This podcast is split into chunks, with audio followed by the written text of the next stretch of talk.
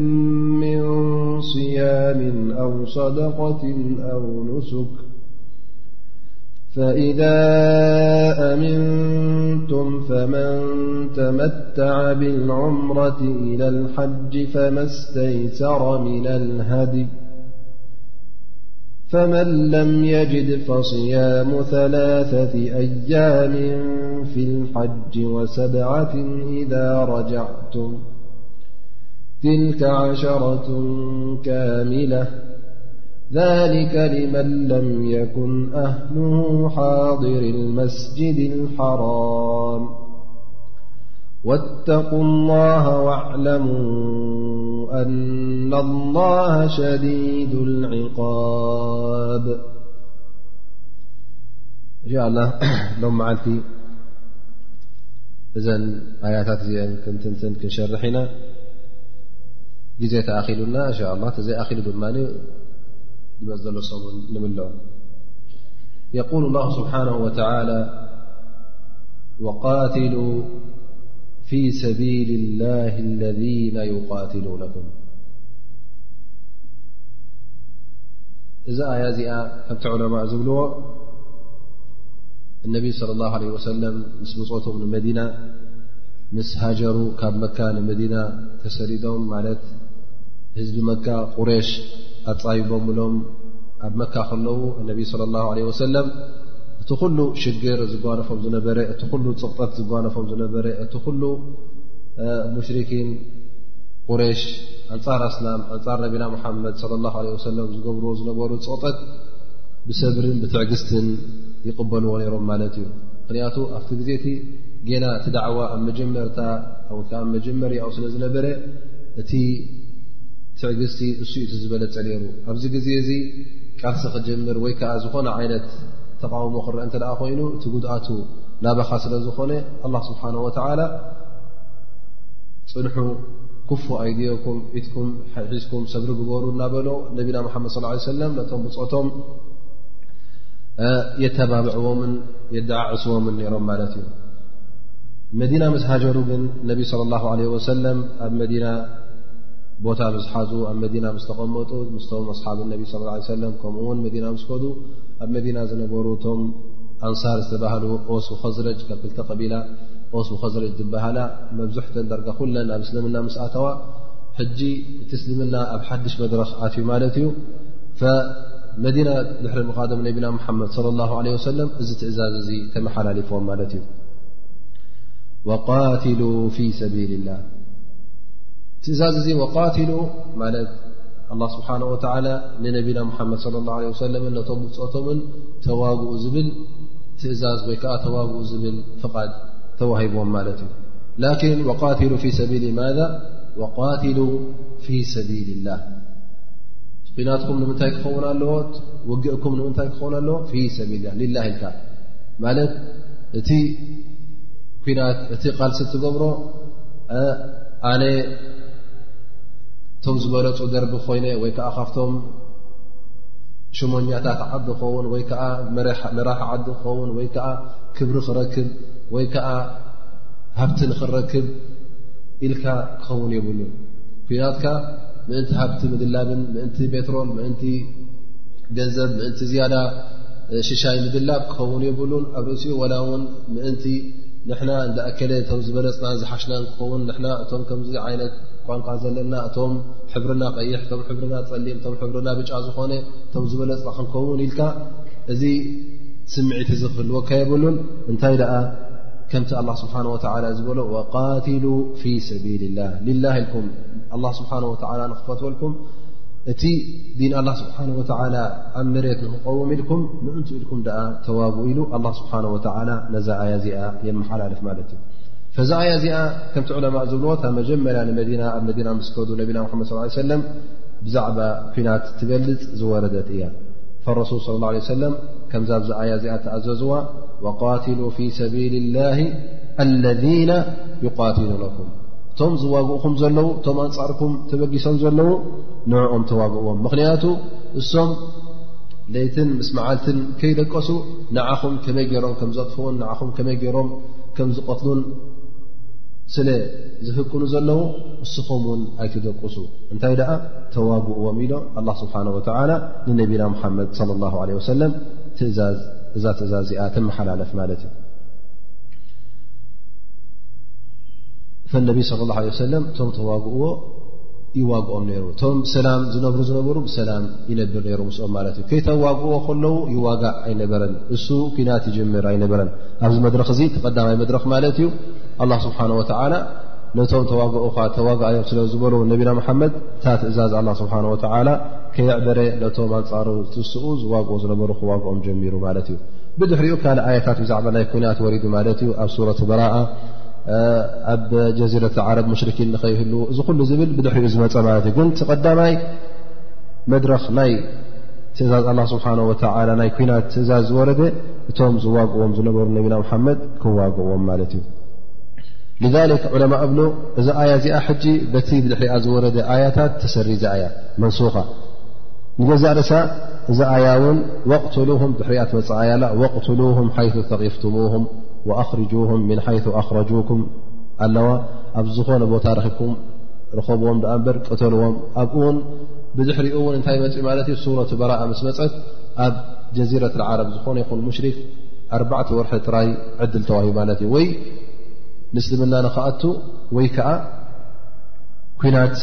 ኣንፃር ነቢና ሓመድ ስ ሰለም ኣልዒሉ ማለት እዩ ኣነቢ ስ ሰለም ክዋግእዎም ፍቓድ ተዋሂብዎም ማለት እዩ እዚ ሕጂ እቶም ድዋግኦም ጥራይ ነበሩ ኣይኮነን ግን ኣብ ካልኣይ መድረኽ ምስ ሰገሩ እዩ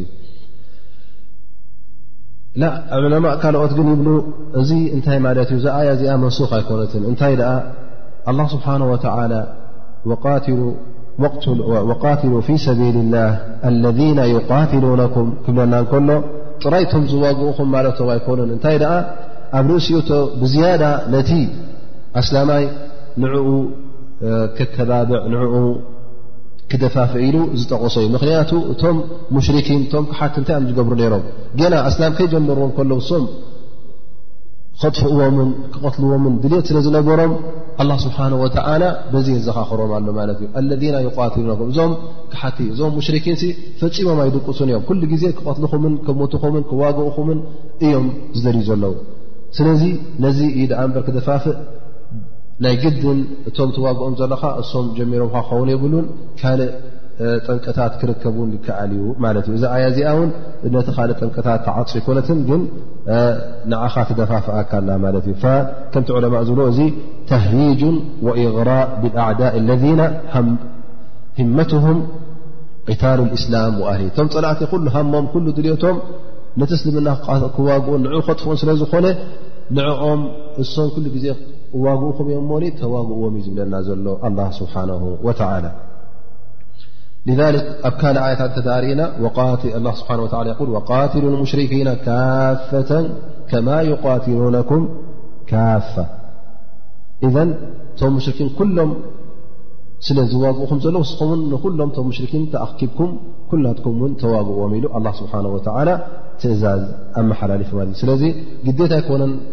ኩሎም ክዋግኡኻ ወላ ውን ገሊኦም ተተዋጊኦም ክትዋግኦም ኢኻ ግን እቲ እንታይዩ ኩሎም ኣንጻርካ እዮም ኩሉ ግዜ ወላ ውን ፍርቆም ወላ ውን ገለ ካብኦም ጥራይ ይዋግኡኻ እቶም ተሪፎም ዘለዉ እውን ኩሉ ግዜ ንዓኻ ንክቐትሉን ንዓኻ ንክዋግኡን ንዓኻ ንኸጥፍኡን ድሌቶም ስለዝኾነ ኣላ ስብሓን ወተላ ካብ ፋይሉ ኣብዚ እውን ጠቒስዎ ማለት እዩ ወቃትሉ ፊ ሰቢል ላ ለذነ ይቃትሉነኩም ወላ ተዕተዱ ኣላ ስብሓን ወተላ እቲ ኣብ እስልምና እውን ኩናት ክኸውን እተ ኮይኑ ውግእ ክካየድ እተ ኮይኑ እዚ ውግእ እዚ ስርዓት ከም ዘለዎ ይጠቕሰልና ኣሎ ማለት እዩ የቁል ላ ስብሓን ወተላ ወላ ተዕተዱ ማለት ካብቲ ገደብ ኣይትስገሩ ማለት ካብቲ ኣላ ስብሓን ወተላ ዝሓፀፀልኩም ገደባት ካብኡ ሰጊርኩም ንዕኡ ግሂዝኩም ካልእ ወንጀላት ኣይትፈፅሙ ማለት እዩ እዚ ድማ ዑለማ እንታይ ይብሉ ወላ ተዕተዱ ክብል ከሎ እንታይ ማለት እዩ ዝኾነ ይኹን ኣብ ኩናት ዝግበር ኣላ ስብሓን ወተላ ዝኸልከለኩም ይኹን ነቢና ሙሓመድ ስለ ላ ለ ወሰለም ዝኸልከለኩም ይኹን ኩሉ ክትገብርዎ የብልኩምን ካብዚ ነጥብታት እዚ ክትርሕቁ ኣለኩም ነቢና ሓመድ ስ ሰለም ኩናት እንተ ከድካ ጅሃድ ኢልካ እተ ወፅእካ ብዙሕ ነገራት ኣሎ ትእዛዛት ዘመሓላለፎ የል ነቢ صለ ላه ለ ሰለም እዕዙ ፊ ሰቢል ላህ ኢሎም ነቶም ብፆቶም ነጊሮሞ ማለት እዩ እዕዙ ማለት ወራር ፈፅሙ ወይ ከዓ ተዋግኡ ፊ ሰቢል ላህ ላኪን ንልላህ ስብሓን ወተላ ክኸውን ኣለዉ ቃትሉ መን ከፈረ ብላህ እቲ ኩናትካ እቲ ቕታል ናካ እቲ ጅሃድ ናካ እንታይ እዩ ዝኸውን ኣንፃርቶም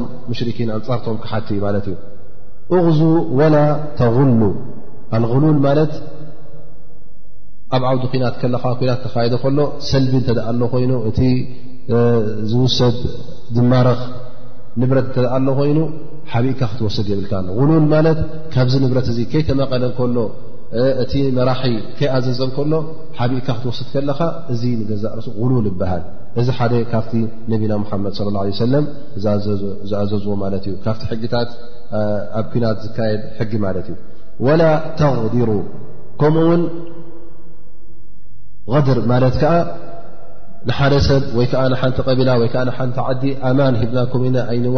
ኣይንዋጋእኩም ኢና ኢልካዮም ፅባሕ ንግሆ ኣፀልሚትካ ከይፈለጡ ከለዉ ብድሕሪት መፅእካ ክትቀትሎም ክትዋግኦም እተ ኮይንካ እዚ غድር ይበሃል እተ ኩናት ክኣ ኮይንኩም ንገሊኦም ክትዋግዎም ኮይንኩም ንገርዎም ወላ እውን እተ ቅድሚ ሕጂ ስምምዕ ነይሩ እኳ ኮይኑ ሞ መዓልቲ ወሲንካ ነርካ ኮንካ እንተ ኩናት ክገብር ኮንካ ንሕና ትምሳኹም ዝነበረ ስምምዕ ኣፍሪስናዮ ኣለና ኢልካ ክትነገር ኣለካ ቅድሚ ኡ እተ ዘይነገርካ ኣነ ከይክፈለጡ ከለዉ ፀላእተይ ስለ ዝኾኑ ኣነ ናተይ ምስጢር ክነግሮም ይብለኒ ኢልካ ንዕኦም ሕና ኣይንዋግኣኩም ኢና ንና ምሳኹም ሰላም ኢና እናልካ ሰላም እናፈረምካ ብድሕሪት መፅእካ ክትምዖም ከለኻ እዚ ኣብ እስልምና ኣብቲ ሕጊ ናይ ኩናት የለን ማለት እዩ ስለዚ غድር ዝበሃል ኣብ እስልምና የለን ንሓደ ሰብ ይኹን ሓንቲ ዓዲ ይኹን ሓንቲ ቀቢላ ይኹን ዝኾነ ይኹን ኣንፃርካ ዘለዎ ወላ ውን ብእስልምና ዘይኣምኑ ይኹኑ ላ ውን ክሓቲ ይኹኑ ላ ውን ሙሽርኪን ይኹኑ ብዘየገድስ እንተ ኣማን ሂብካዮም እንተ ናይ ሰላም ስምምዕ ጌርካ ምስኦም እዚ ስምምዕ እዚ ብዕሊ ክፈርስ ኣለዎ እንተ ክትዋግኦም ኮንካ ማለት እዩ ከምኡ ውን ወላ ተምሉ ኣልሙላ እንታይ ማለት እዩ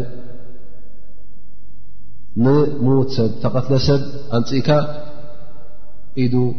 ክትቆርፅ እግሩ ክትቆራርፆ ክሳዶ ክትቆራርፆ መይቱ ከሎ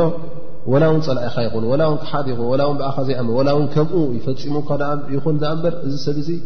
ነዚ ሰብ እዚ ከምዘ ኢልካ ክትቆራርፆ ይብልካ እቲ ምቕታል እተ ኮይኑ እተ መይቱ ድሕሪኡ ሓንቲ ትውስኾ ነገር ካ መይቱ እዩ ድሕሪኡ ኣንዲድካዮ ናብ ዓሰርተ ቆራሪፅካዮ ሰላሳ ቆራሪፅካዮ ምንም ፋይዳ ስለ ዘይብሉ እዚ እውን ናብ እስልምና ኩልኩል እዩ ወላ ውን ፀላኢኻ ይኹን ወላ ውን ቀትልካ ይኹን ብዓቕልኻ ብኢድካ ግን ብድሕሪኡ ክትቆራርፆ እዝኑ ክትቆርፅ ኣፍንጭኡ ክትቆርፅ ክሳዱ ክትቆርፅ እግሩ ክትቆርፅ ከብዱ ክትብሕጅር እዚ ኩሉ ኣብ እስልምና ጌጋ እዩ ወላ ተቕትሉ ወሊደን ከምኡ ውን ህፃናት ቆልዑት እተ ኣለዉ ኮይኖም ክትቀትሎም ይብልካ ወላ ኣስሓብ ኣሰዋምዕ ኣስሓብ ኣሰዋምዕ ማለት ከዓ ከምቶም ፈለስቲ ንኣብነት እንተ ኮይኖም ፈላሲልካ ኣብ ርሑቕ ቦታ ኮይኑ ኣብ ቤት ጸሎት ዝኣመሰለ ወይ ከዓ ኣብ ፅልየሉ ቦታ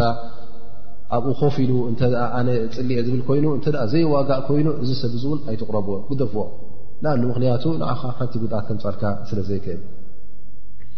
እዚ ከም ዝኣማሰለ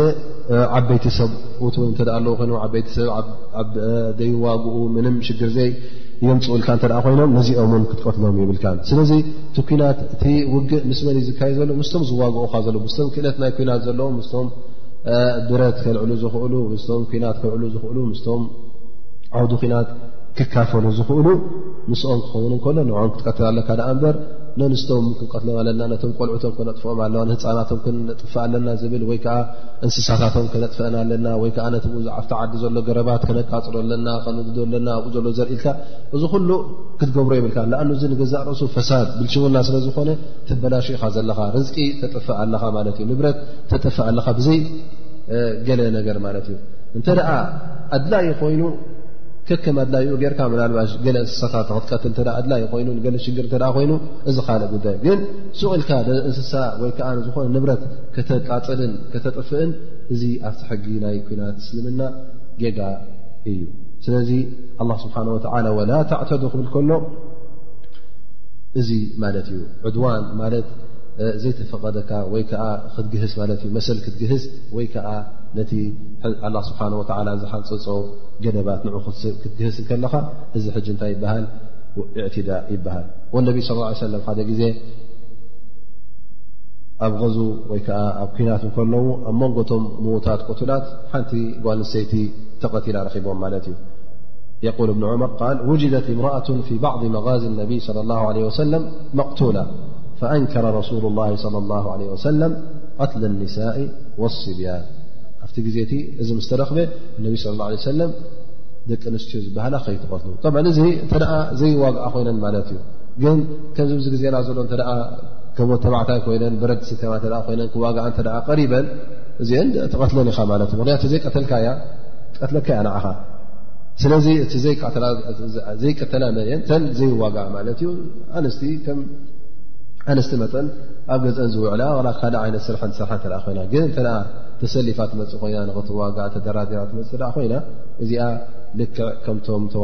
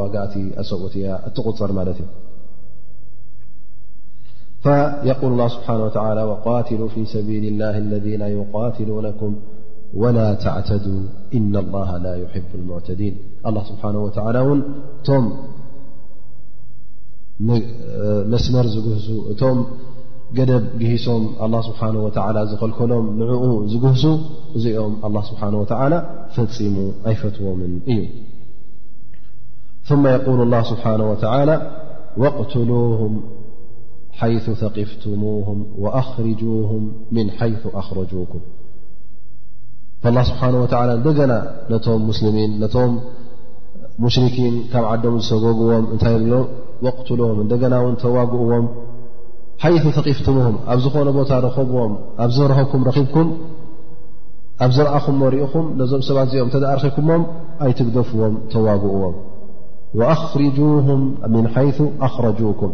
ከምኡ ውን ልክዕ ከምቲ ካብታ ሃገርኩም ካብቲ ዓድኹም ዘባረሩኹም እስኹም ውን ኣይትሕመቑ ኣባረርዎም ካብቲ ዓዶም ምኽንያቱ እሶም እዮም ጀሚሮም ኹም እሶም እዮም ተዋጊኦም ኹም እነቢ ስለ ላሁ ለ ወሰለም ን1ሰለስተ ዓመት ዝኸውን ኣብ መካ ክቕመጥ ከሎ ዳዕዋ እናገበረ ከሎ ኣይኮዶ ብብረት ወላ ብኢድ ውን ይምልስ ኣይነበረን እንታይ ደኣ ብሰብሪ እዩ ዝጓዓዝ ነይሩ እቶም ኣስሓብ ነቢ صለ ላه ለ ወሰለም ናብ ነቢና ሓመድ صለ ላه ሰለ መፅኦም ያ ረሱላ ከምዚ ኮይና ከምዘጓኒፉና ሓታ ድዓ ግበረና ክብልኦም ከለዉ እነቢ ስ ሰለም እዚ ጉዳይ እዚ ካብ ትዕግስቲ ወፃኢ ስለ ዝኾነ ይቁጥዑ ነሮም ከምዚ ኢልኩም ኣይትሕተቱ እንታይ ኮንኩም ንስኹም ምንም ዝጎደለኩም የብልኩምን እቶም ቅድሚሕኩም ዝነበሩ ኣስላም ቅድሚ ሕጂ ዝነበሩ ሙእምኒን ካብዚ ዝበእሰ ካብዚ ዝኸፍአ ፊትና ካብዚ ዝኸፍአ ሽግር የጓንፎም ነሩ ግን ፈፂሞም ካብቲ ሒዞሞ ዝነበሩ መትከል ካብቲ ሒዞሞ ዝነበሩ ዲን ካብቲ ሒዞሞ ዝነበሩ ሃይማኖት ፈፂሞም ፈልከት ይብሉ ይነበሩ ኢሎም ነቢና ሓመድ ለ ላ ለ ሰለም ነቶም ብፆቶም ትዕግስቲ ንክገብሩ ይእዝዝዎም ነይሮም ማለት እዩ እነቢ ስ ሰለ ዓሰሰለስተ ዓመት ዝኸውን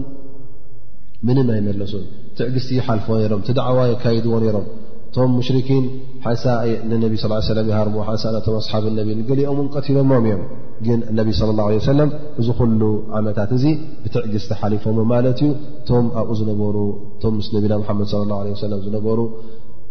ሙስልሚን እቶም ኣስሓብ ነቢ ስ ሰለም እውን በዘ ዓሰርተ ሰለስተ ዓመት ዝወሰድዎ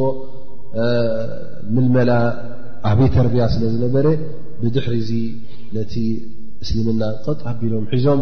ናብ ዓብዪ መድረኽ ናብ ዓብዪ ዓወት ኣብፅሖሞ ማለት እዩ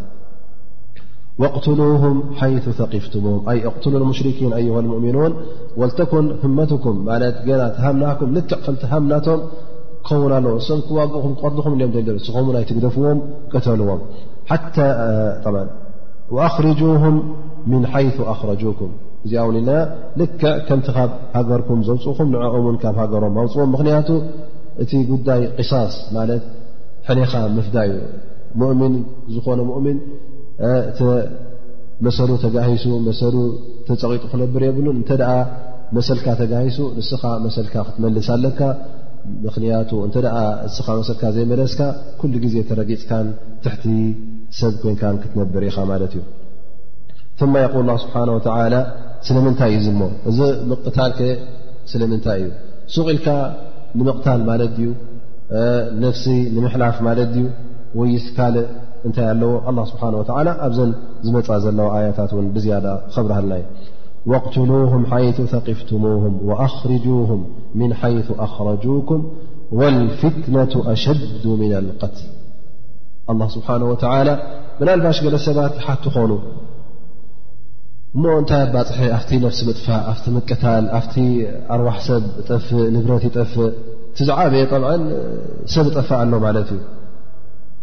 እሞ ምናልባሽ እዚ ሕቶ እዚ መፅእ ኸውን ምናልባሽ ቶም ሙሽርኪን እውን እዚ ሕቶ እዚ የናዕቡ ኾኑ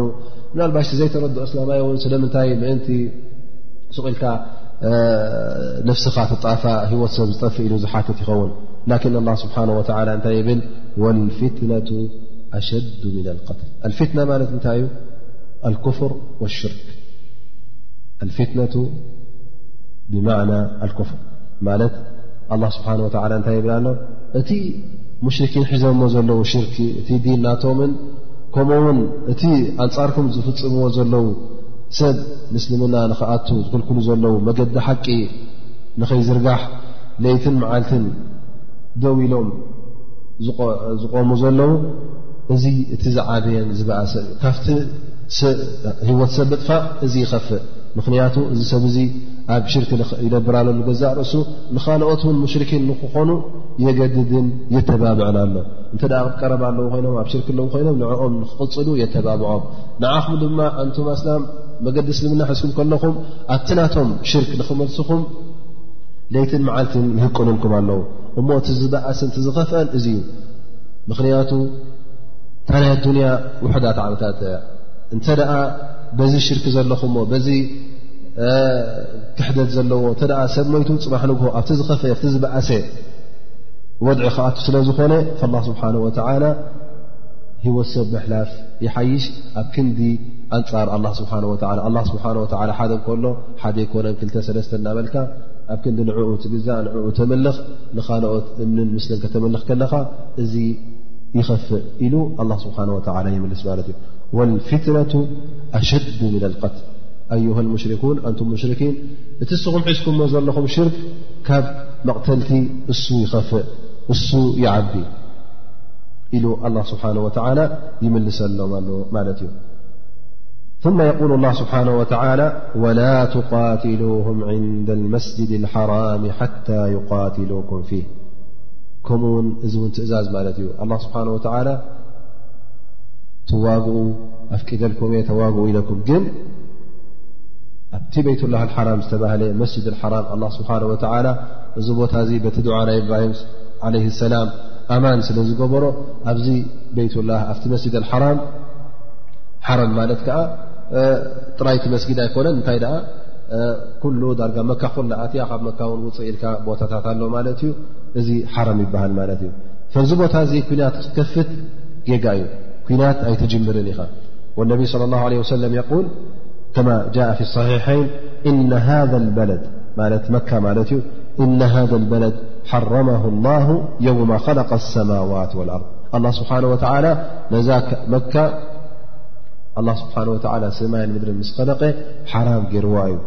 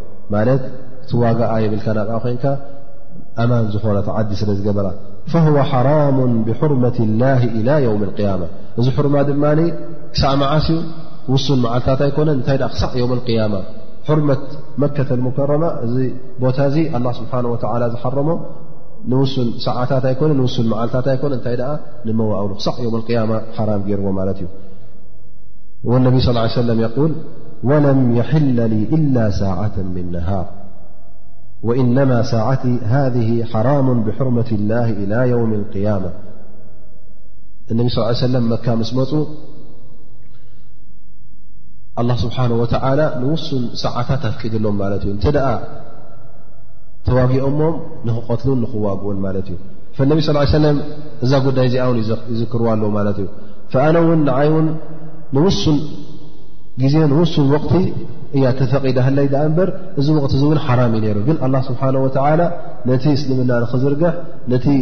ኣብኡ ዘሎ ሽርክን ክሕደትን ንኽወፅእ ኣላ ስብሓን ወተዓላ ንውሱን ሰዓታት ኣፍቂዱሎ ይብል ማለት እዩ ነቢና ሙሓመድ ለ ላ ለ ወሰለም ላ ይዕضዱ ሸጀሩሁ ወላ ይኽተላ ከላኡ ካብቲ ሕርመታ ጥራይ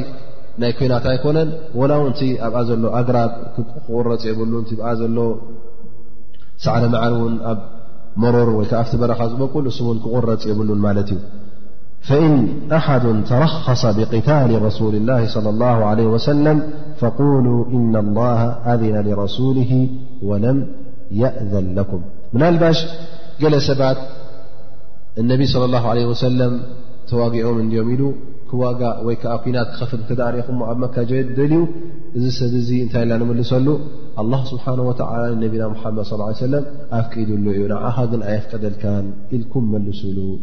ኢሎም ነቢና ሙሓመድ صለ ላ ለ ወሰለም ይጠቕሱ ማለት እዩ እታ ግዜ ተፈቐደቶም ድማ ፈትሒ መካ ክካየድ ከሎ ማለት እዩ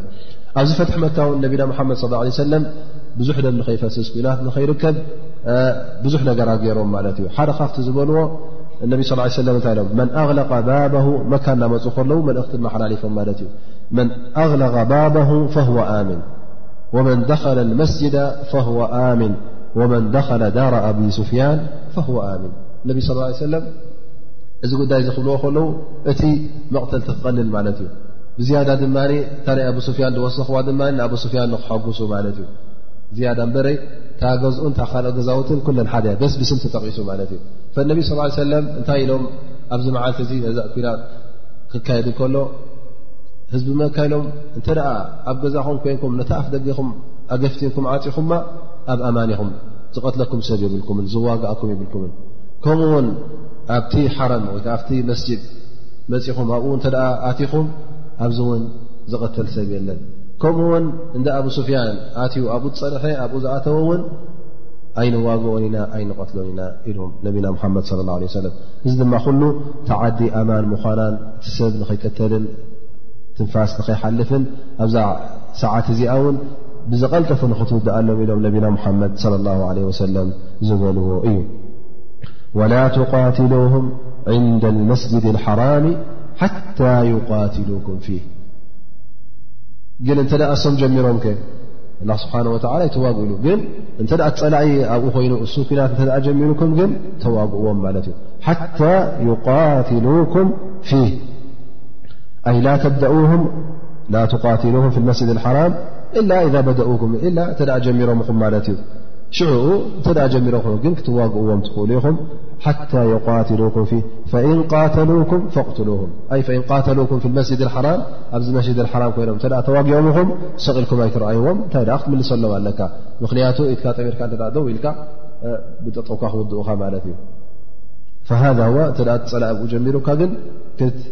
ዋጋዕን ክትከላኸልና ኣለካ ምክንያቱ እተ ስዕልካ ርኢኻዮ ንዓኻ ከጥፍኣካ ዩ ክውድኣካ እዩ ማለት እዩ እሱ ረቢ ዘይፈር እተ ኮይኑ እሱ እተ ጀሚሩ እስኻ ብድሕሪኡ መሰል ኣለካ ማለት እዩ ነብስኻ ክትከላኸል ል ሓታ ይቃትሉኩም ፊ ፈእን ቃተሉኩም ፈቅትሉም ከሊከ ጀዛء ካፍሪን እቶም ክሓቲ እቶም ሙሽርኪን እውን እቲ ናቶም ሞሳ ናቶም ጀዛ ወይ ከዓ ናቶም ብልጫ እንታይ እዩ ከምዚ ጌርካ ምውጋእ ማለት እዩ ምክንያቱ እሶም ክቐት እተ ደልዩ ኮይኖም ክዋግ እተ ኮይኖም እስኻ ውን ሱቕ ኢልካ ማይ ዓሚክካ ይትፀበዮም እንታይ ኣ ክትዋግኦም ኣለካ ላ ስብሓን ወተላ ነቢና ሙሓመድ ለ ላ ለ ሰለም ኣብታ ዝበልናያ ሰዓት ኣፍቂዶምሎም ኣብታ ሰዓት እቲኣ እውን ተዋጊኦም ማለት እዩ ብድሕሪኡ እውን እቲ ዓዲ ወይ ከዓ እታ መካ ኣማን ኮይና ነቢራ ማለት እዩ ثመ የقል ላ ስብሓን ወተላ ፈኢን እንተሃው ፈኢና ላሃ غፉሩ ራሒም ፈኢን እንተሃው ፈኢና ላሃ غፉሩ ራሒም እዞም ሙሽርኪን እንተ ደኣ ንዓኹም ምቅታልን ንዓኹም ምውጋእን እንተ ደኣ ገዲፎሞ ከምኡ ውን እንተ ደኣ ካብቲ ዘለዎ ሽርኪ ካብቲ ዘለዎ ክሕደት እንተ ደኣ ተቆጢቦም ናብ እስልምና እተ ኣትዮም ኣላ ስብሓን ወተላ ፈኢና ላ غፉር ራሂም ኣላ ስብሓን ወተላ ኣዝዩ መሓሪ ኣዝዩ ራህራሂ ስለ ዝኾነ ክቕፍረሎም እዩ ክረሕሞም እዩ እቲ ዝገብርዎ ዝነበሩ ጌጋታት ኩሉ ክድምስሰሎም እዩ ኩሉ እውን ክምሕሮም እዩ ወላ እውን ቅድሚ ሕጂ ነስላን ቀትሎም ይኹኑ ወላ ውን ቅድሚ ሕጂ ዓበይቲ ዘንበታት ገይሮም ይኹኑ ዳኣ እምበር እዚ ኩሉ እናገበሩ ከለዉ እንተ ደኣ ቶባ ኢሎም እንተ ካብቲ ዝነበርዎ ሽርኪ ተመሊሶም እንተ ናብ እስልምና ገፆም ትኺኢሎም ክኣት ድልት ኣለዎም ኮይኑ ኣላ ስብሓን ወተላ ነቲ ድልቶም ርኡ ነቲ ናብ እስልምና ምእታዎም ርኡ ምኽንያቱ ኣልእስላም የጅቡ ማ ቀብላ እስልምና ኩሉ ግዜ እተ ሓደ ሰብ ኣብ ሽርክ ኣብ ክሕደት ነይሩ ኮይኑ ናብ እስልምና እተኣት ኩሉ ዝገብሮ ዝነበረ ኣላ ስብሓን ወተላ ይغፍረሉ እዩ ልክዕ ከምታ ኣዲኡ ዝወለደቶ ከምኣ ይኸውን ማለት እዩ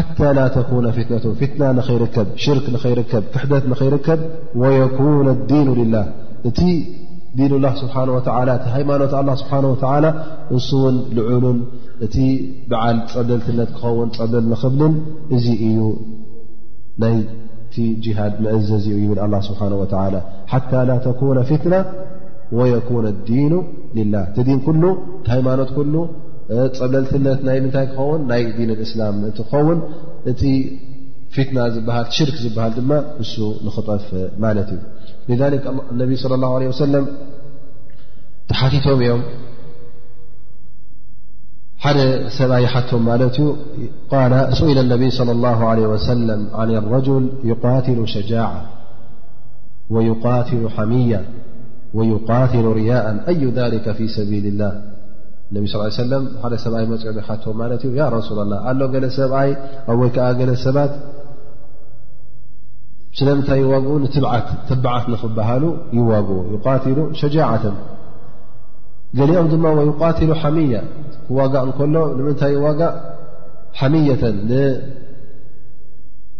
ንብሄሩ ንሃገሩ ንቀቢልኡ ንከምዚ ኢሉ ንሳ ንኽትዕብልል ንሳ ንኽትድንፍዕ ንሳ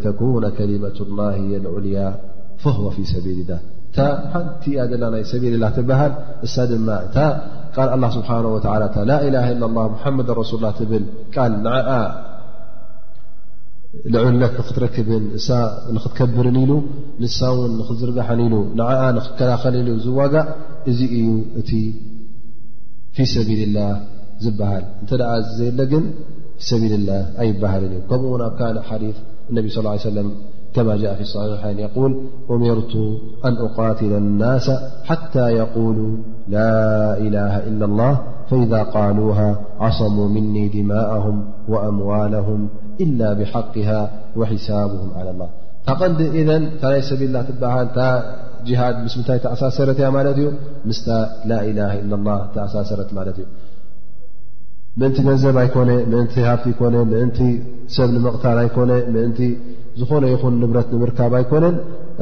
ዝኾነ ይኹን ሓሳብ ኣለካ ማለት ኣይኮነን እንታይ ደኣ ምእንቲ እታ ላኢላ ለ ላ ስለ ዝኾነ እዚ እዩ እቲ ትእዛዝ ካብ ኣላ ስብሓን ወተላ ናባይ ዝተመሓላለፈ ኢሎም ነቢና ሙሓመድ ለ ላ ለ ወሰለም ይጠቕሱ ማለት እዩ ማ የቁል ስብሓ ላ ፈኢን እንተሃው ፈላ ዑድዋነ ኢላ ላ ظልሚን ፈኢን እንተሃው ኣይ እንተሃ ሙሽሪኩን እዞም ሙሽርኪን እዚኦም ካብቲ ዘለዎ ሽርክ ካብቲ ዘለዎ ጥፍኣት እንተ ደኣ ተቖጢቦም ካብኡ እውን እንተ ደኣ ርሒቖም ብድሕሪ እዙ ትዋግእዎም የብልኩምን ድሕሪ እዙ ክትዋግእዎምን የብልኩም ምኽንያቱ እንተ መገዲ ሽርክ ገዲፉ ናብ መገዲ እስልምና ኣትዩ እንተ ኣንፃር እስልምና ምቅዋም ኣንፃር እስልምና ምቅላስ እንተ ደው ኣቢልዎ እዚ ሕጂ ብድሕሪ ሕጂ ክትዋግኦ የብልካን ይብል ኣሎ ማለት እዩ ኣላ ስብሓን ወተዓላ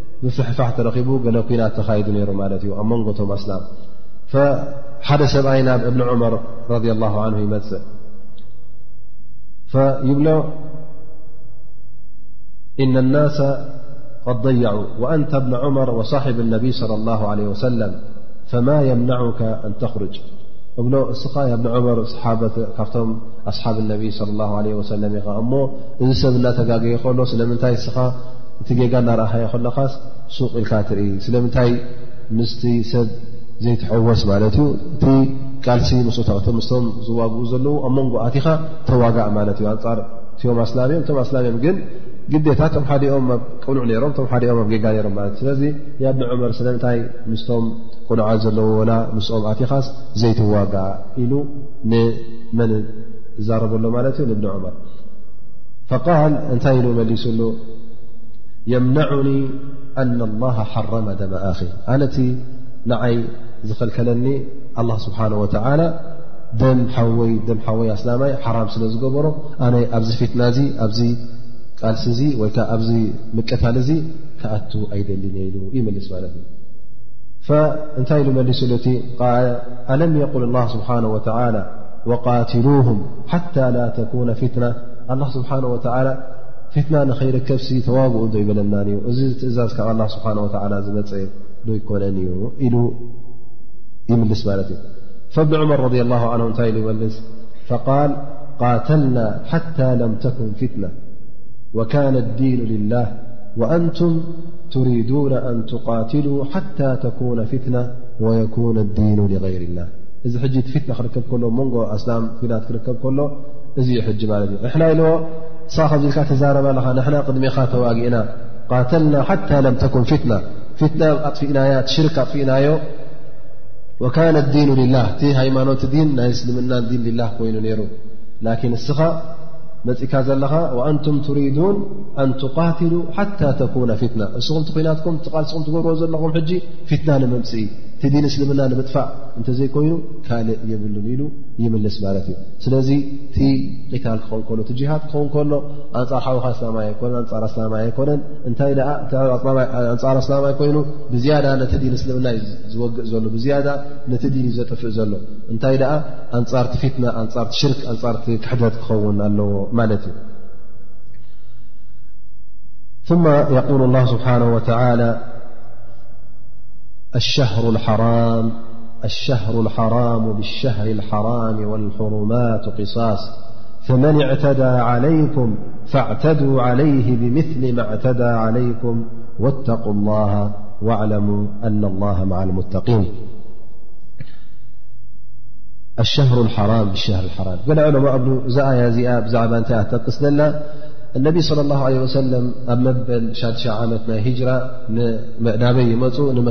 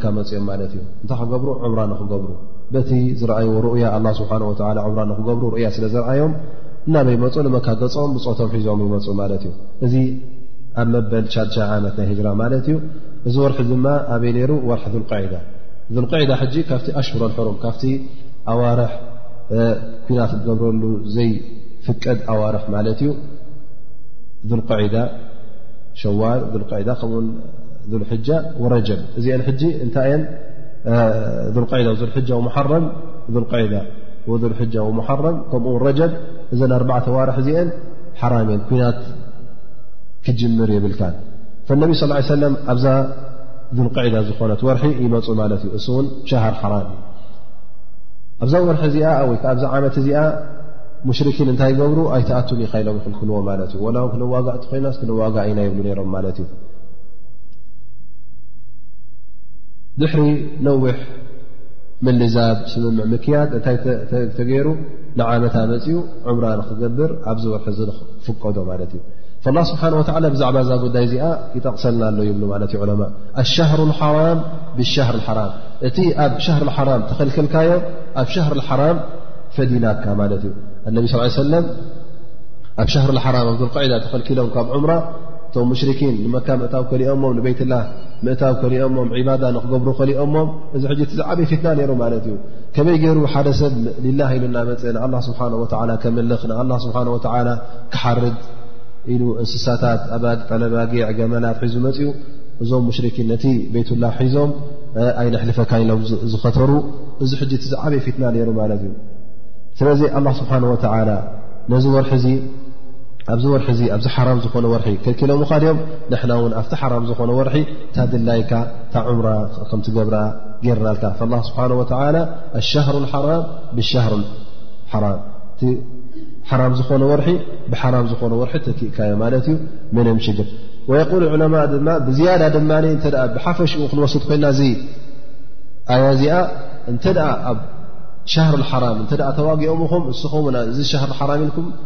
ሱቕ ኣይትበሉ እንታይ ደኣ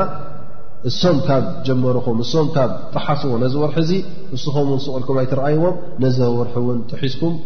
ተኸላኸሉ ተዋግኡ ጅሃትኩም ኣካይዱ ማለት እዩ ስለዚ ሓፈሻዊ ትርጉም ኣለዎ ማለት እዩ ዓም ንኩሉ ዘማልእ ከምኡ ውን ነቲ ኣብ ግዜ ነቢና ሓመድ ለ ላ ሰለም ተረክበ ኣብዚ ወርሒ እዚ ናይቲ ሻር ሓራም ነቢና ሓመድ ሰለም ከምተኸልከሉን ኣብ ሻር ሓራም ን ተመሊሶም ዕምራ ከምዝገበሩን ትጠቅስ ኣያ እያ ማለት እዩ ስለዚ እነቢ ስለ ላ ለ ወሰለም ኣብዚ ወርሒ እዚ እዚ ኣዋርሒ እዚ እውን ኩናት ክግበረሉ ኣይፍቀድን ገለ ዑለማ ተነሲኹ ይብሉ ግን እቲ ዘሎ ኣብዚ ኣዋርሒ እዚ ኩናት ክተካይድ ኣይፍቀድን እዩ እንተ ደኣ ጀሚሮምኻ ግን ተካይድ ማለት እዩ ذሊክ ኣሻሃር ሓራም ብሻሃር ሓራም ወልሕሩማት ቅሳስ ቅሳስ ማለት ዝኾነ ይኹን በደል ተፈፀመ ልክዕ ከምቲ ተፈፀምካዮ በደል ጌርካ ክትመልሶ ማለት እዩ ሕኔኻ ክትፈዲ ነቢ ስ ስብሓን ወላ ነቢና ሓመድ ስ ሰለም ሕኔኻ ፈዲኻ እዩ ዝብሎ ዘሎ ማለት እዩ ከምቲ ልክዕ ኣብ ሓራም ዝኾነ ወርሒ ንዓኻ ዝመለሱኻ ልክዕ ንሕና ውን ኣብቲ ሓራም ዝኾነ ወርሒ ንዓኻ ውን ኣእቲናካ ንቤትላ ከምትኣቱን ዕምራኻ ንክትፍፅም እታ ዕምረት ቀዳእ ዝተባህለት ዕምራኻ ክትቀዲ ወይ ከዓ ንዓ ንክትፍፅም ዘፍቀድናልካ ኢሉ ነቢና ኢሉ ኣላ ስብሓን ወላ ወልሕሩማቱ ቂሳስ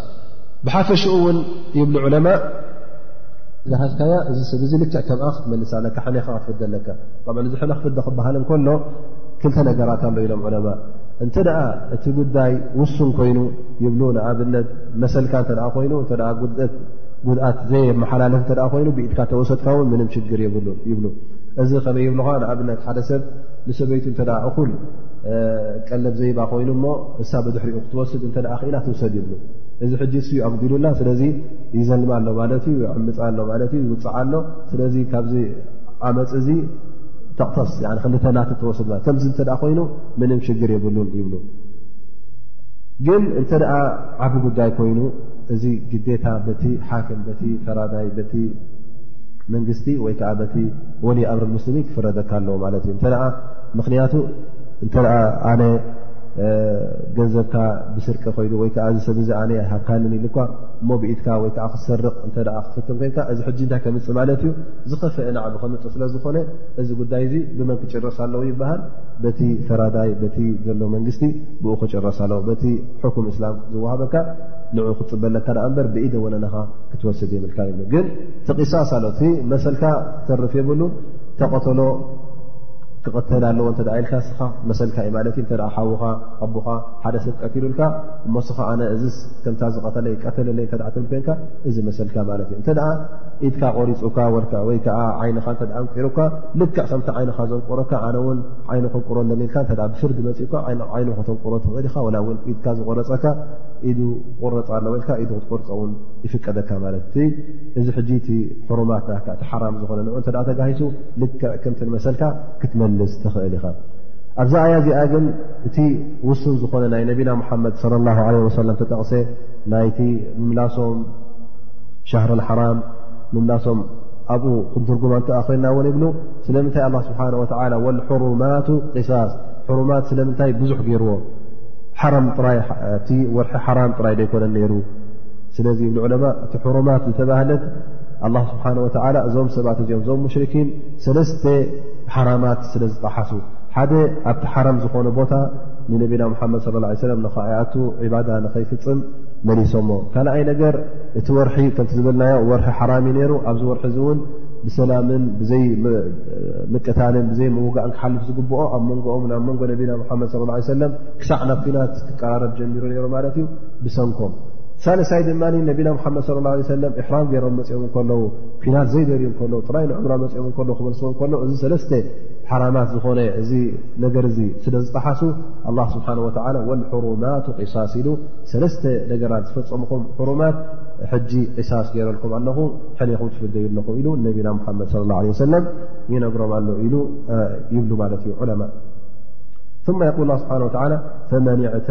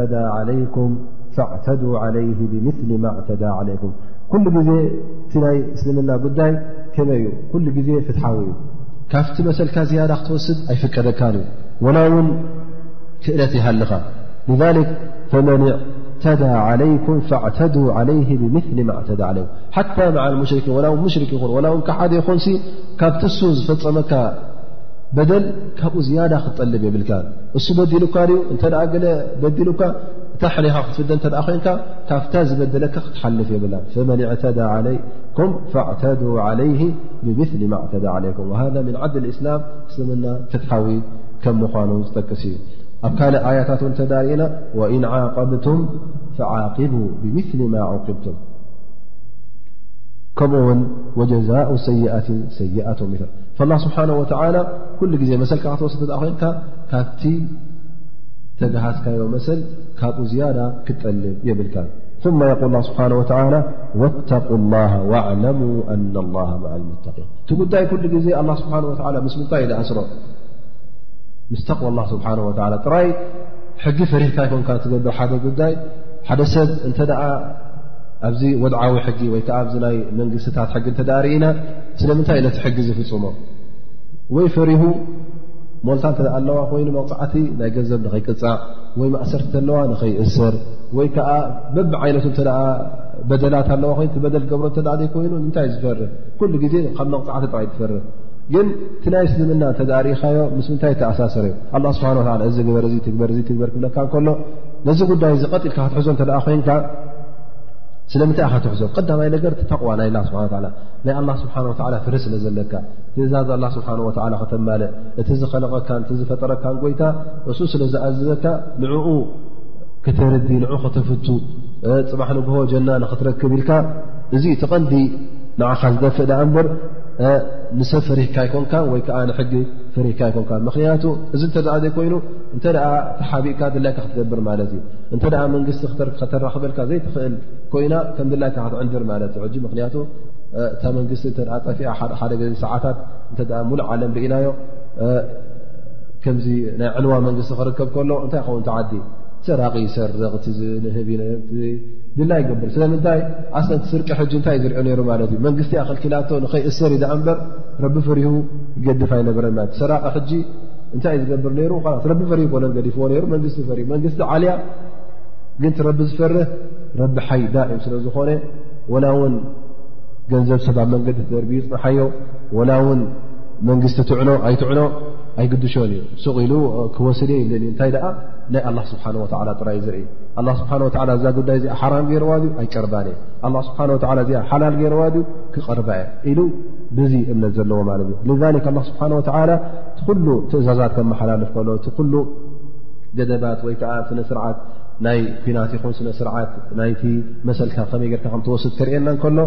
ኣላ ስብሓን ወላ ምስ ተቕዋ ምስ ፍርሃት ኣላ ስብሓን ወተላ ይኣሳስሮ ማለት ወተቁ ላሃ ኣላ ስብሓን ወተላ ፍርህዎ ኣብ መንጎኹምን ኣብ መንጎ እቲ ቁጣዐ ኣላህን መከላኸሊ ግበሩ ዋዕለሙ ኣና ላሃ ማዓ ልሙተቒን ከምኡ ውን እቲ ክትፈልጥዎ ዘለኩም ክትርስዕዎ ዘይብልኩም ኣላ ስብሓን ወተላ ኩሉ ግዜ ምስቶም ሙተቒን ምስቶም ፈራህቲ ኣላ ምስቶም ኣብ መንጎኦምን ኣብ መንጎ ስቓይ ኣላህን ቁጣዐ ኣላህን ትእዛዝ ኣላ እናኽበሩ ኣላ ስብሓን ወላ ዝኣዘዞም እናፈፀሙ ኣብ መንጎኦም መከላኸሊ ዝገብሩ ኣላ ስብሓን ወላ ኩሉ ግዜ ምስዞም ሰባት እዚኦም እዩ ይዐውቶም ይሕግዞም ይድግፎም ኣብ ኣዱንያ ናብ ኣኼራን ዓብዪ ዓወት እውን የጎናፅፎም ስለዚ ኣላ ስብሓን ወላ ኩሉ ግዜ ምስቶም ሙተቒን እዩ ኣብ ኣዱንያ ይኹን ኣብ ኣራ ይኹን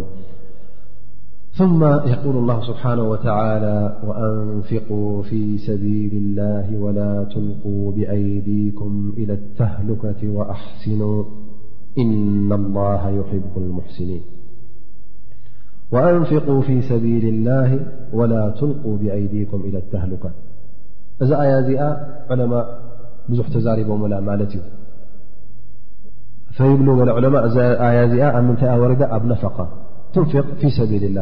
ፊ ሰቢልላህ ኩሉ ዘማልአ እዩ ሊላ ኢልካ ተውፅኦ ማለት እዩ ንጅሃድ ይኹን ንመስኪን ተዕንግለሉ ይኹን ንስድራኻ ተውፅኦ ይኹን ንዘኽታም ትቦ ይኹን ንመስጊድ ተስፋሕካዮ ይኹን ንኩሉ ር ዝኾነ ንኩሉ ትዕብልያ ይብሉ ግን ብዝያዳ እዛ ኣያ እዚኣ ውን ካልእ ትርጉም ኣለዋ ወይከዓ ብዝያዳ ከምቲ ኣስሓብ ነቢ صለ ላ ለ ወሰለም ዝበልዎ እተ ክንርኢ ኮይና ካልእ ትርጉም ኣለዋ ይብሉ ኣቡ ኣዩብ ኣንሳሪ ረ ላ ተባሂ ሓደ ካብቶም ኣስሓብ ነቢ ለ ላ ለ ሰለም ነዚ ኣያ እዚኣ ትንትና ከሎ ይብል እዛ ኣያ እዚኣ ኣብ ግዜና ወሪዳ ኢሉ ሓዲስ ይጠቅስ ማለት እዩ ፈል ኣብዚ ኣያ እዚኣ የል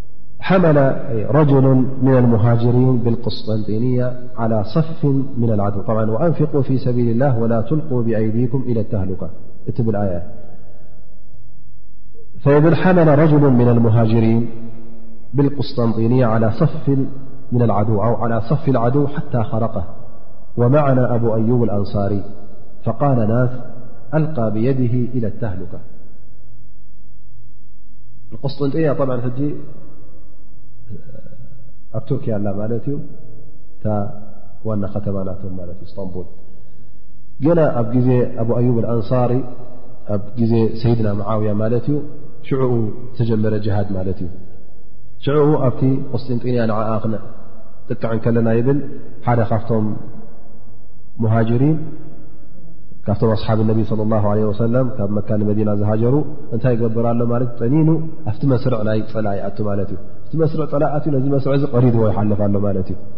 ብ ንበይኑ ስለ ዝኣተወ ፈገለ ሰባት እንታይ ኢሎም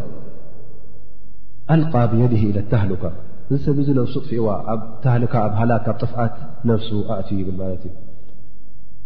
ኣን ኣላ ስብሓን ወተላ ኣብዚ ኣያ እዚኣ ወላ ትልቁ ብኣይዲኩም ኢለ ታህሉካ ስለዝበለ ማት እዩ فقال أبو أيوب الأنصاري نحن أعلم بهذه الآية إنما نزلت فينا نن بزياةلإنما نزلت فينا نادرا صحبنا رسول الله صلى الله عليه وسلم وشهدنا معه المشاهد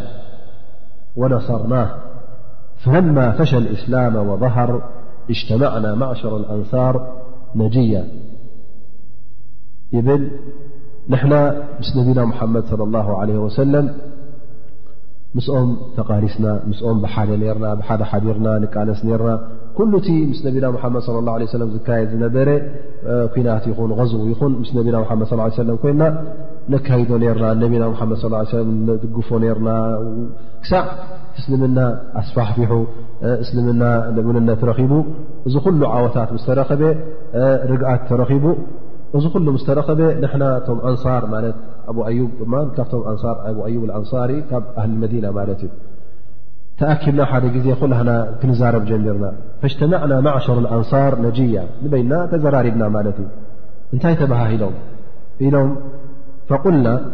قد أكرمنا الله بصحبة نبيه صلى الله عليه وسلم ونصره حتى فشى الإسلام وكثر أهله وكنا آثرناه على الأهلين والأموال والأولاد وقد وضعت الحرب أوزارها فنرجع إلى أهلينا وأولادنا فنርጅع إلى ኣህሊና وኣውላድና فنقሙ ፊهማ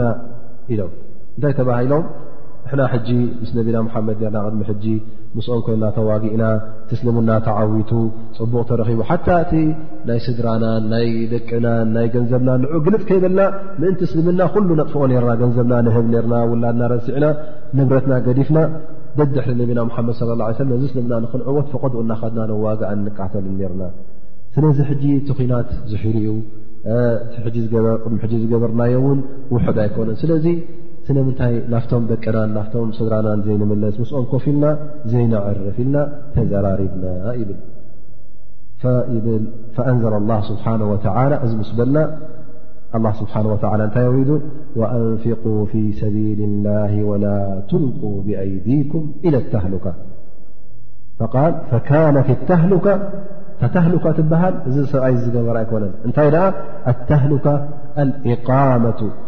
ፊ ኣህሊ ወልማል ወተርክ ጅሃድ ሃላክ ዝበሃል ከምዚ ጌርካ ፀላኢ ምውጋዕ ኣይኮነን ጠኒንካ ብትብዓት ምቀታል ኣይኮነን እንታይ ደኣ ጅሃድ ገዲፍካ ኣብ ገዛኻ በጥ ምባል ምድቃስ ምስቶም ደቅኻ ንወላትካ ንምስኦም ክትድቅስ ከለኻ ጅሃድ ክትርስዕን ከለኻ እዚ ንገዛእ ርእሱ ታህሉካ ዝበሃል ኢሉ ኣቡ ኣዩም ኣንሳሪ ነዚ ኣያ እዚኣ ይትንትና ማለት እዩ እቲ ጉዳይ ሕጂ ተገምጢሉ ማለት እዩ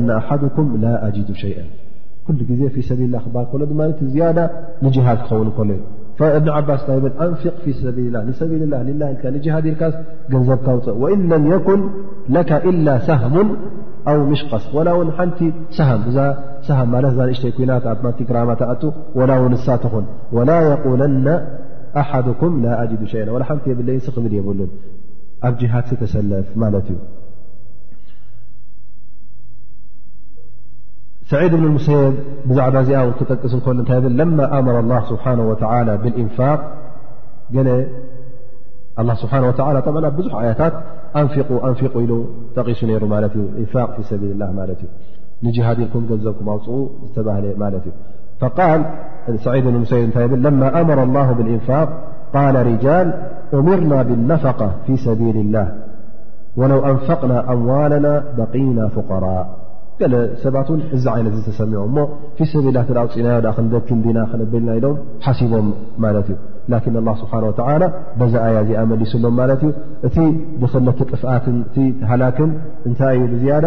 እቲ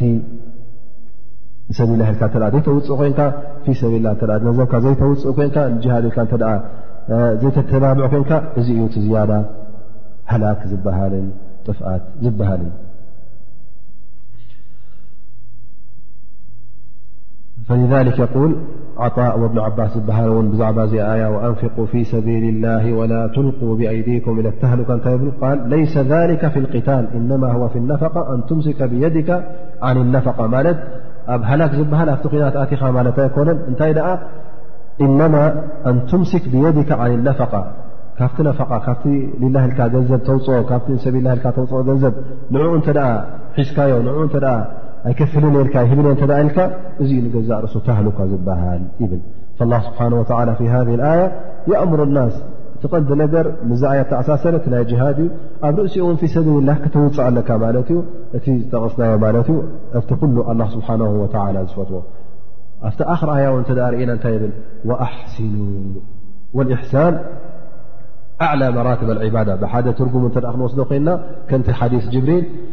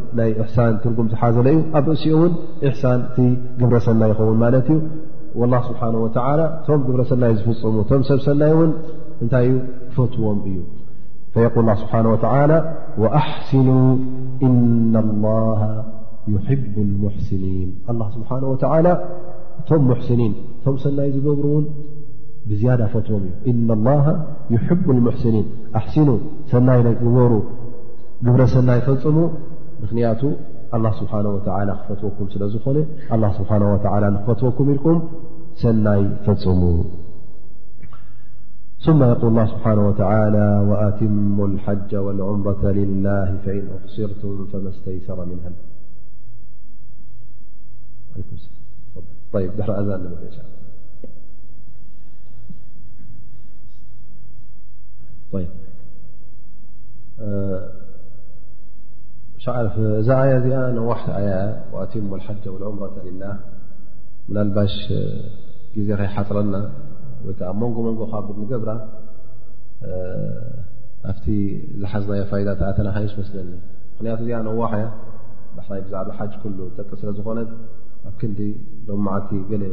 ካብኣ ጠቂስና ብሓለፍ ኣብ ዝመፅ ዘሎ ሰሙን ድማ ፍርቂ ፍርቂ ንገብራ እንሻ ላ ተን ዝመፅኣ ዘለዉ ኣያታት ናይ ሓጅ ብሓንሳ ምእንቲ ክንወስደን ናብ ዝመፅ ዘሎ ሰሙን ተመሓላለፍ ናይ ሓይሽ ፍሽራየኩም ይ ላስ ካብኡ ናበ መሓላለፍ እቲ ሎም መዓልቲ ዝሓዝናዮ ገለ ፋይዳታት ዝሓዝና እ ኣሎ ኮይኑ ከምቲ ሰሙናዊ ልምድና ተሳታፍነትኩም ንፀበ ማለት እዩ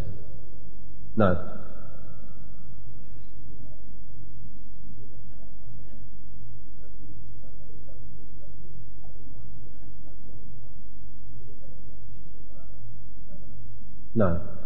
ሓደ ካፍታ ካብተን ቀንዲ ፋይዳታት ዝሓዝናያ ብል ሓውና ኣላ ስብሓን ወተላ መካ ሓራም ከምዝገበራ ከምዝሓረማ እቲ ምሕራማ እውን ኣብ ግዜ እስልምና ጥራይ ኣይኮነን ነይሩ እንታይ ደኣ ከምቲ ሓዲስ ነቢ ስ ሰለም ዝጠቐስዎ ሰማይን ምድርን ዝኸለቀላ መዓልቲ ሽዑ እዩ ሓሪምዋ ነዛ ቤትላ ስብሓን ወተላ ወይ ከዓ ነዛ መካ ከም ምኳኑ እቲ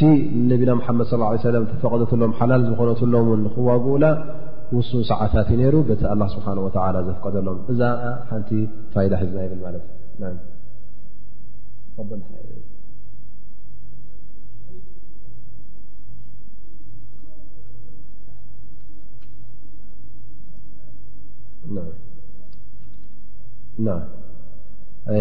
እቲ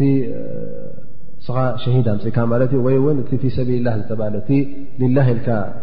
ወይከዓ ፊ ሰብልላ ወይዓ እቲ ዝሞተ ሸሂድ ክኸውን ማለት እዩ እቲ ነዚ ስራሕ ዝፍፅም ዘሎ ድማ ስርሑ ኣብ ሰብልላ ኣብቲ ኣላ ስብሓን ወተላ ዝደልዮን ረቢ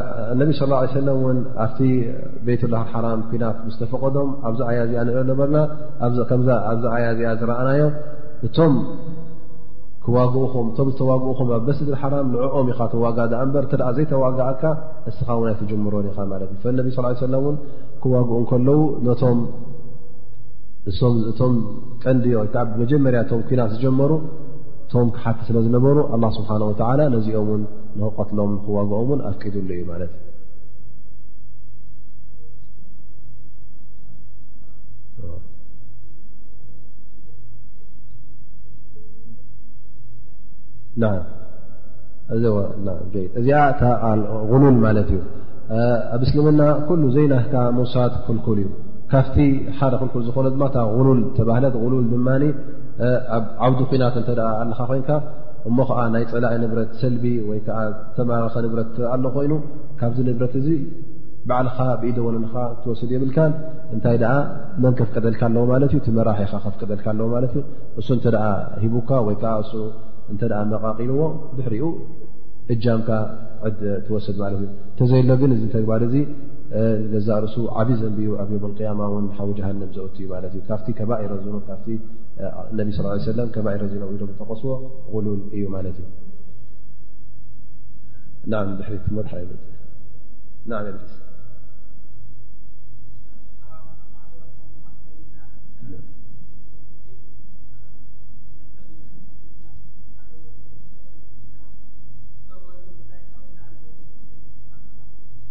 መሰሉ ተጋሰ ሰብ ልክ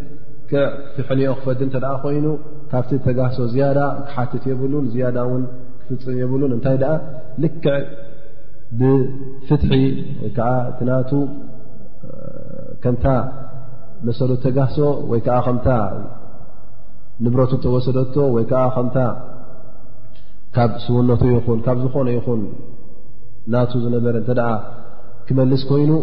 ልክዕ ከምታ ናቱ ክመልስ ኣለዎ ደኣ እምበር ካብኡ ዝያዳ ካብኡ ንላዕሊ ክጠልብን ካብኡ ክወስድን ይብሉን እዚ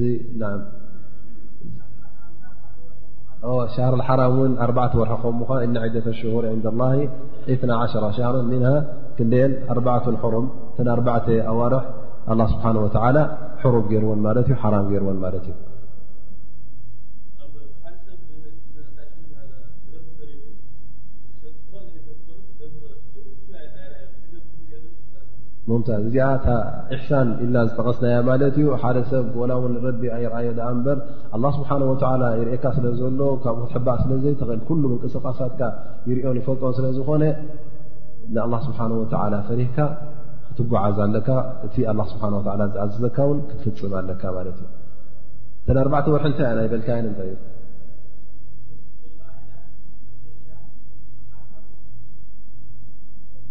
እዚአን ሰለስተ ብ ተኸታትለን ራብዐይቲ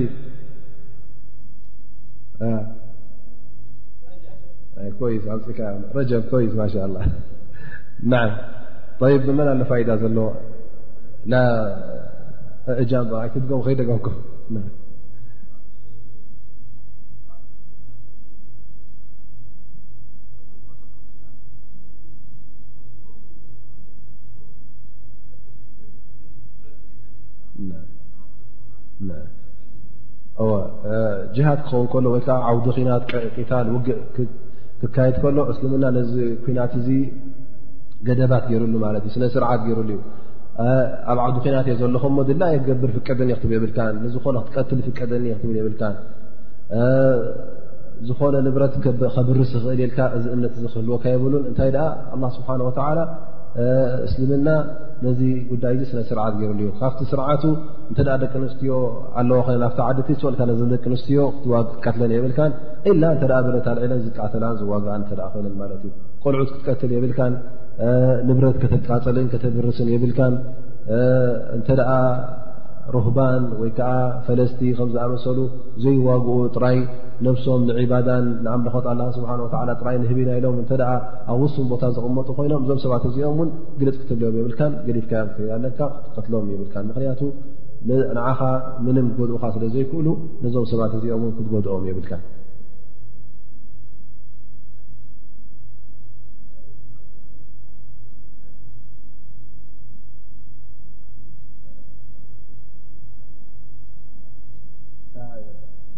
ኣብዚ ኣይተጠቀሰት ሎም ዓ ጠቀስናያ ግን ጅሃድ ንገዛእ ርእሱ ክልተ ከም ዝምቀል ማለት ዩ ፈርዲ ዓይንን ፈርዲ ክፋያን ክኸውን ከምዝኽእል ማለት እዩ እንሻ ላ ኣለና ኣያት ናይ ጅሃት ክመፅ ዩ ዳሕራይ ኣብኡ ክንትንትኖ ኢና ማለት እዩ ና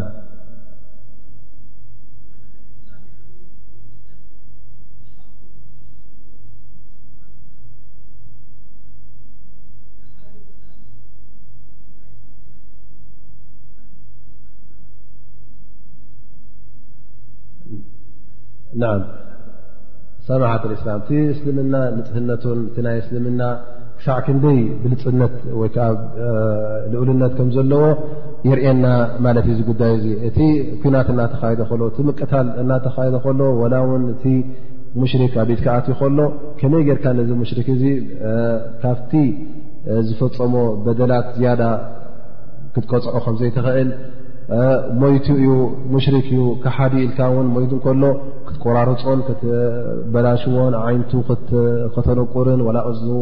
ክትቆራረፅን ዋላ ከብዱ ክትብሕቁርን እዚ ኩሉ እዚ ከምዘይፍቀደካ ስለዚ እቲ እስልምና ክሳዕ ክንደይ ፅሩይን ንፅህን ከም ምኳኑ ክሳዕ ክንደይ እውን ልኡልን ክቡሩን ምኳኑ ዝሕብር እዩ ብል ደግም ዳዝም ያለ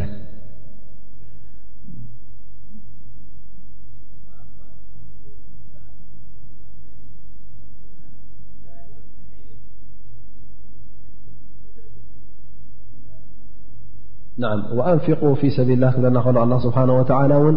እቲ እስልምና ቲ ጅሃድን ቀንዲ ሓይሉ ኣበይ እዩ እቲ ናይ ገንዘብ ሓይሊ ስለ ዝኾነ እተ ጅሃድ ክካየድ ኮይኑ ቃልሲ ክካየድ እተ ኮይኑ ኢንፋቅ ይደሊ ማለት እዩ ገንዘብ ይደሊ እተ ገንዘብ ዘየለ ኮይኑ እቲ ጅሃድ ይደክም ማለት እዩ ላ ስብሓ ወላ ኣንፊቁ ፊ ሰቢልላ ክብለና ከሎ ነዚ ጅሃድ እዚ ንክልሕሉ ነዚ ሃድ